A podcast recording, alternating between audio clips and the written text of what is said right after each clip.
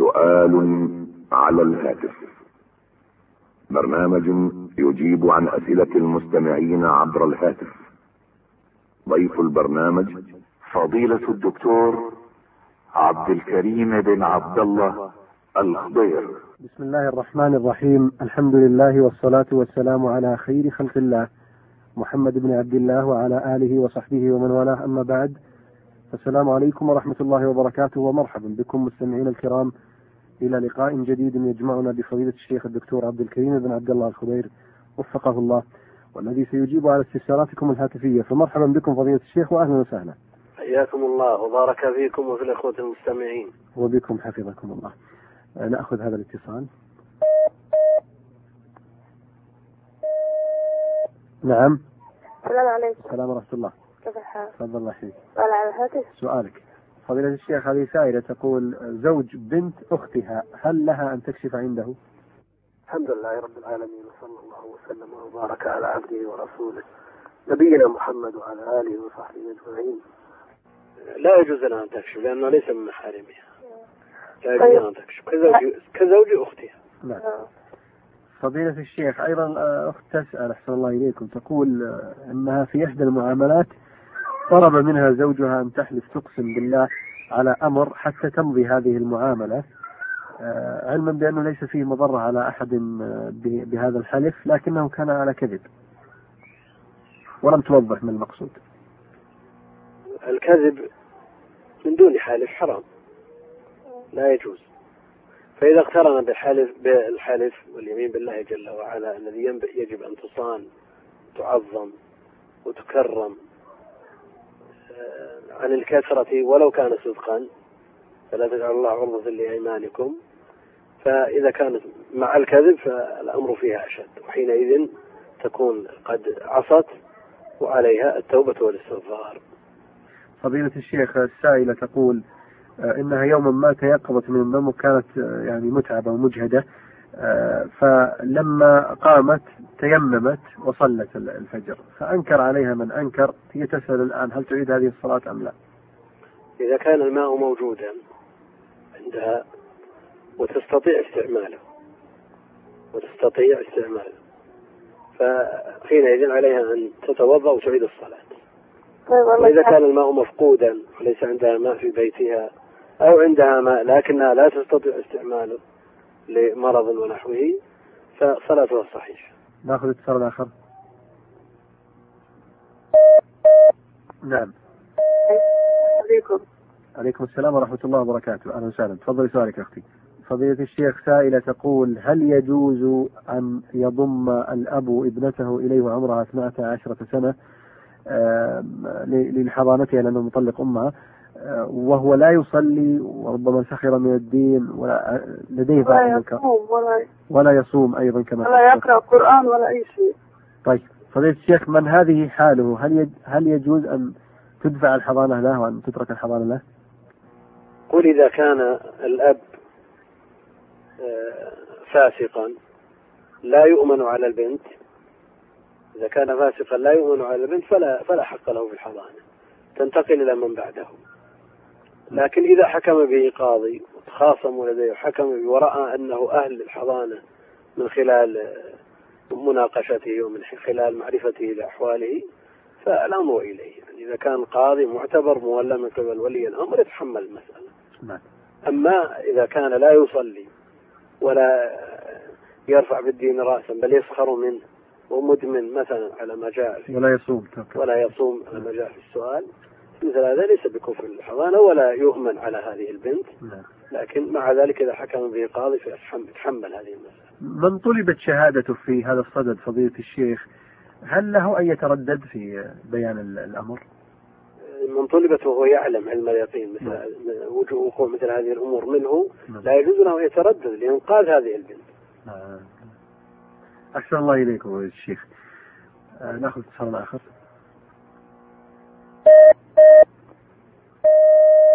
نعم. السلام عليكم. السلام ورحمة الله وبركاته. الشيخ معي تفضل. كيف الحال؟ أهلا وسهلا. مرحبا. آه يا شيخ حبيت أسألك عن بعض المصلين. تفضل. وقت السجود يضعون الشماغ تحت آه، موقع سجودهم ويسجدون على الشماغ. يعني الشماغ المتصل ما رموه على الأرض وسجدوا عليه. لا. وهو على رأسه. على رأسه ولكنه يضعه بيده طرف مثل مثل هذا مكروه عند أهل العلم نعم. مكروه عند أهل العلم يسجد على متصل. نعم. لكن إذا وجد حاجة محر شديد أو برد شديد على بلاط وشبهه أو رائحة تنبعث من من الفرش أو شيء من هذا فالكراهة عند أهل العلم تزول بأدنى حاجة. لكن من غير حاجة لا. شكرا لك يا شيخ. يكون مكروها عند أهل العلم. شكرا لك. أهلا وسهلا بك. حياك الله. نأخذ اتصال آخر.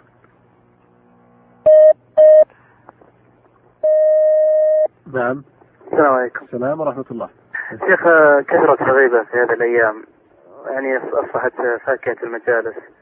آه، يعني حتى يلاحظ من الناس اللي سيماهم سيما الخير أن يعني تجد أغلب مجالسهم يعني فيها من الغيبة و وقد يعني آه، يعني إذا تكلموا في شخص معين ويعني تدخل في الغيبة يقول هذه ليست من الغيبة يعني يحاولون أنهم يعني يدخلون مداخل أخرى.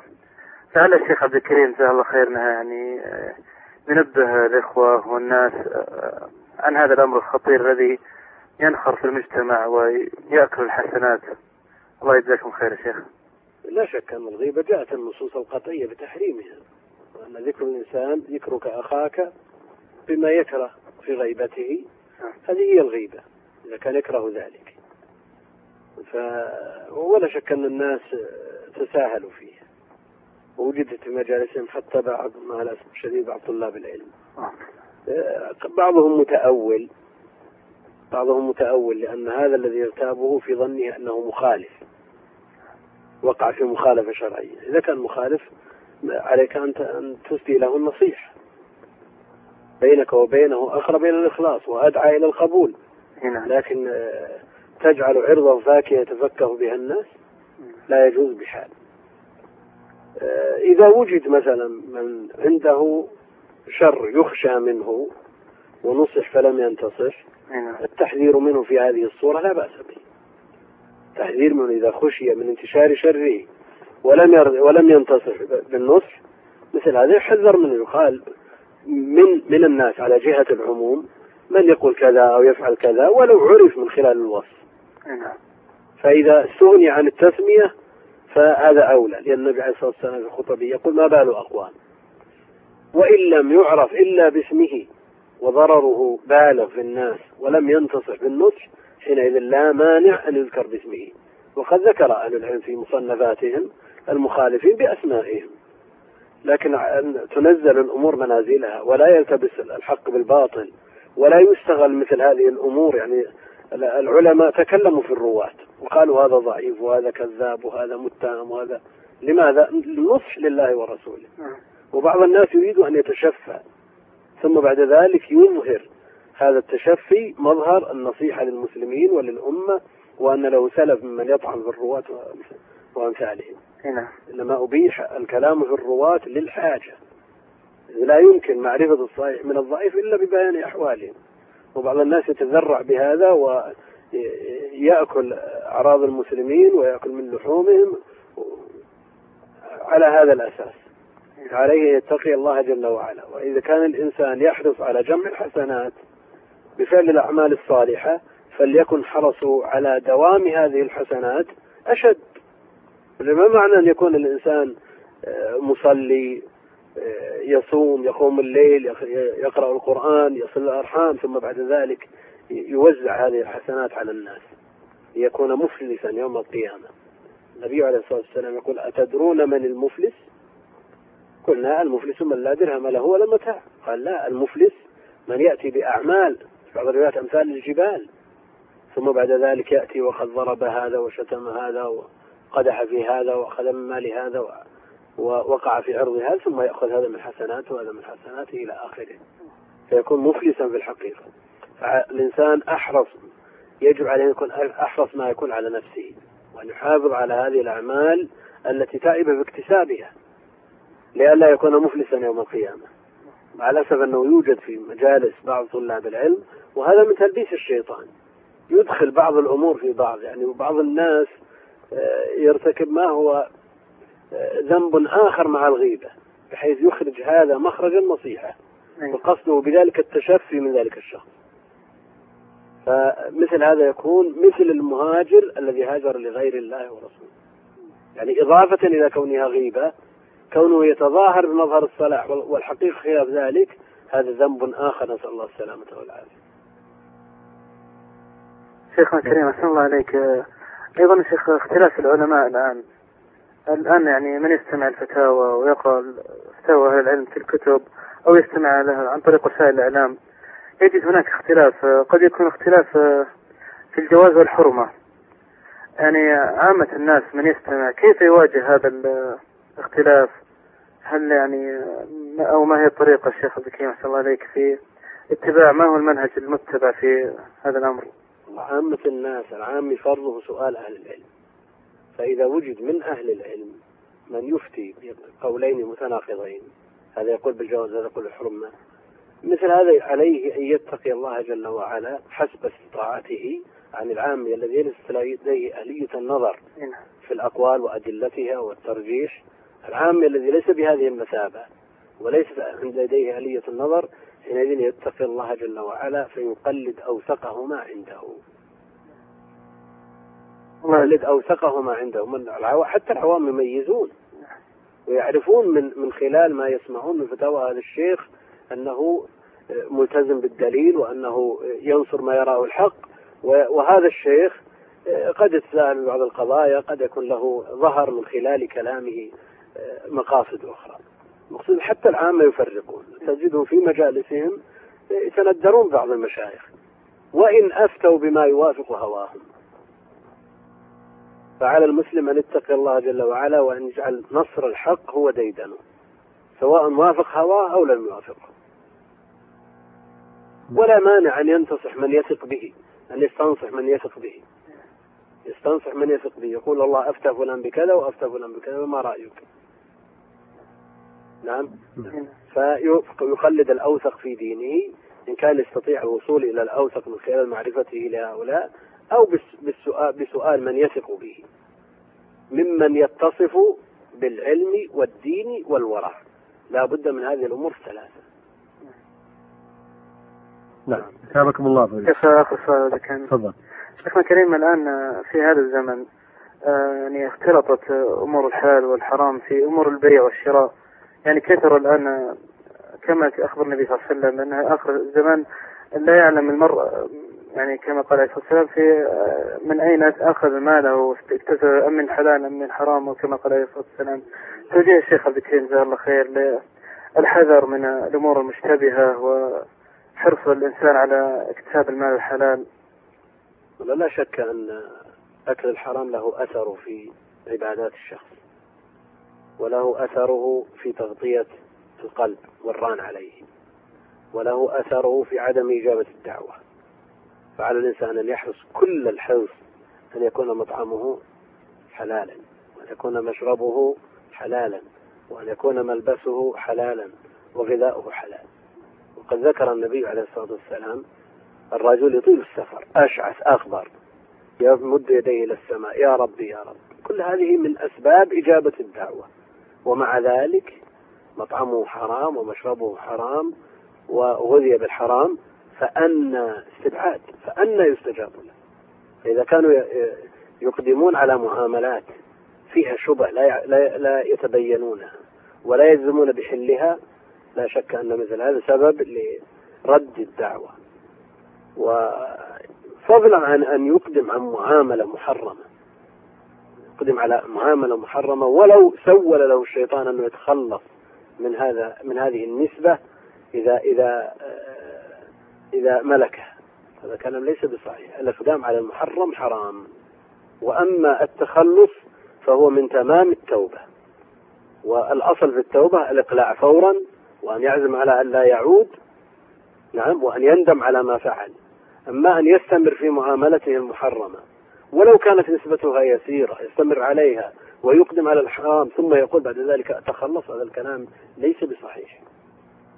عليه إذا عرف أن هذا الحرام أن يجتنبه. الحلال بين والحرام بين. المشتبهات أمرنا باجتنابها. وكان سلف هذه الأمة يجتنبون الحلال. كثير من صور الحلال يجتنبونها خشية أن يقعوا في الحرام. والتوسع ولو كان في الحلال يجر إلى الدخول في المكروه ثم الشبهة ثم بعد ذلك يتساهل الإنسان فيما وراء ذلك ويتأول ويتبع الأقوال الشاذة ثم بعد ذلك يقع في الحرام الصريح من غير تأويل. وهذا أمر واقع بل وقع وجد من بعض من ينتسب إلى العلم. تجد في أول الأمر يتساهل في أمر الشبهات ثم بعد ذلك آه، يلجأ إلى الأقوال المهجورة والضعيفة ومن بعد ذلك يقع في المحرم حرام آه، الذي تحريمه صريح. وكل هذه عقوبات بعضها لبعض. على الإنسان أن يحتاط لنفسه. الإنسان آه، إذا لم يرتبط بربه ويجعل الثقة الصلة وثيقة بالله جل وعلا بحيث إذا دعاه أجابه. ادعوني أستجب لكم. ومع ذلك تجد الجموع الغفيرة من المسلمين في الليالي التي ترجى فيها الإجابة في الليالي الفاضلة يدعو الإمام ويؤمنون ما تجد أثر لهذه الدعوة. سببه والله أعلم انتشار الحرام وأكل الشبهات وعدم التثبت فيما يدخل الجوف وكل جسد مني على سحف النار أولى به سواء كان هو أو ويدخل ويقحم معه النساء والذراري ممن لا ذنب له. مثل هذه الأمور يجب الانتباه لها والاحتياط لها. نعم أثابكم الله. هل من يترك السنن عمدا سواء المستحبة أو المؤكدة يأثم أو يدخل في قسم المكروه أو لا شيء عليه؟ لا شك أن الذي يترك السنن آه، محروم. ومقتضى كونها سنة وأن قدر على الواجب قدر زائد على الواجب. وقد قال آه، الأعرابي النبي عليه الصلاة والسلام هل علي غيرها؟ قال لا إلا أن تتطوع. يدل على أنه لا يأثم. إلا أن من يداوم على ترك الوتر مثلا كما قال الإمام أحمد رجل سوء. هذا رجل سوء. والنبي عليه الصلاة والسلام لم يترك الوتر ولا ركعتي الصبح سفرا ولا حضرا. مثل هذه يداوم عليه وكذلك الرواتب. فإذا صلى الفرائض سبع عشرة ركعة وصلى الرواتب ثنتي عشرة ركعة وصلى الوتر إحدى عشرة ركعة وحصل له في اليوم والليلة آه، أربعون ركعة آه، حصل على خير عظيم. يقول يقول ابن القيم رحمه الله من طرق الباب أربعين مرة في اليوم يوشك أن يفتح له. ولا يداوم على ترك النوافل إلا شخص محروم لكن تأثيمه لا يحسن لأنها قدم زائد على ما أوجب الله عز وجل. وليعلم المسلم أن التفريط في مثل هذه الأمور ما الذي يؤمنه أن في فرائضه خللا؟ فيها نقص. من أين يكمل هذا النقص؟ يكمل من النوافل كما جاء في الحديث الصحيح. انظروا هل لعبدي من تطوع؟ فإذا كان له تطوع كملت فرائضه وعباداته الواجبة وإذا لم يكن له تطوع نوكش وحوسب. وقد يعذب بسبب تقصيره في الواجبات لكن إذا وجد نوافل تكمل هذا الخلل وتسده لا شك أنه خير له من تركها. نعم.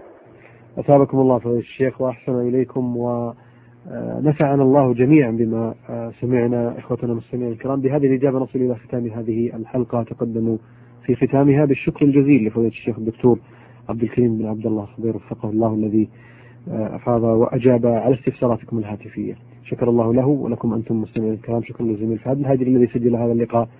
نلقاكم بإذن الله تعالى وأنتم بخير وعلى خير. والسلام عليكم ورحمة الله وبركاته.